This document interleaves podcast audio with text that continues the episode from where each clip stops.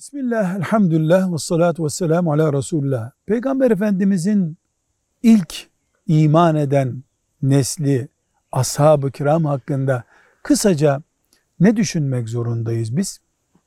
Cevap, her şeyden önce kalbimiz onlara karşı tertemiz olacak. Resulullah sallallahu aleyhi ve selleme ilk iman eden o mübarek nesil bizim göz bebeğimizdir. Onlar şöyle yaptı, böyle yaptı, aralarında şu oldu, bizi hiçbir ilgilendirmiyor. Onlardan Allah razıydı, biz de onlardan razıyız. Ama ashab-ı kiramda kendi aralarında belli bir kademelendirilmeleri var. Mesela muhacirler, Mekke'den gidenler en önde. Mesela fetihten önce iman edenler hep öndeler.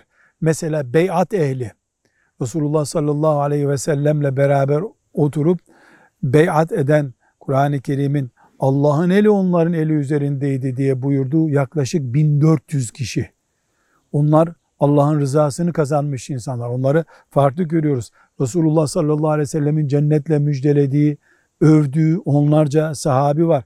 En üstünü de Ebu Bekir ve Ömer radıyallahu anhuma onların en üstünü ve ashab-ı kiram hakkında biz onlar bir konuda söz birliği ettilerse o bizim için dindir deriz. Genel olarak ashab-ı kiramı bu şekilde düşünür.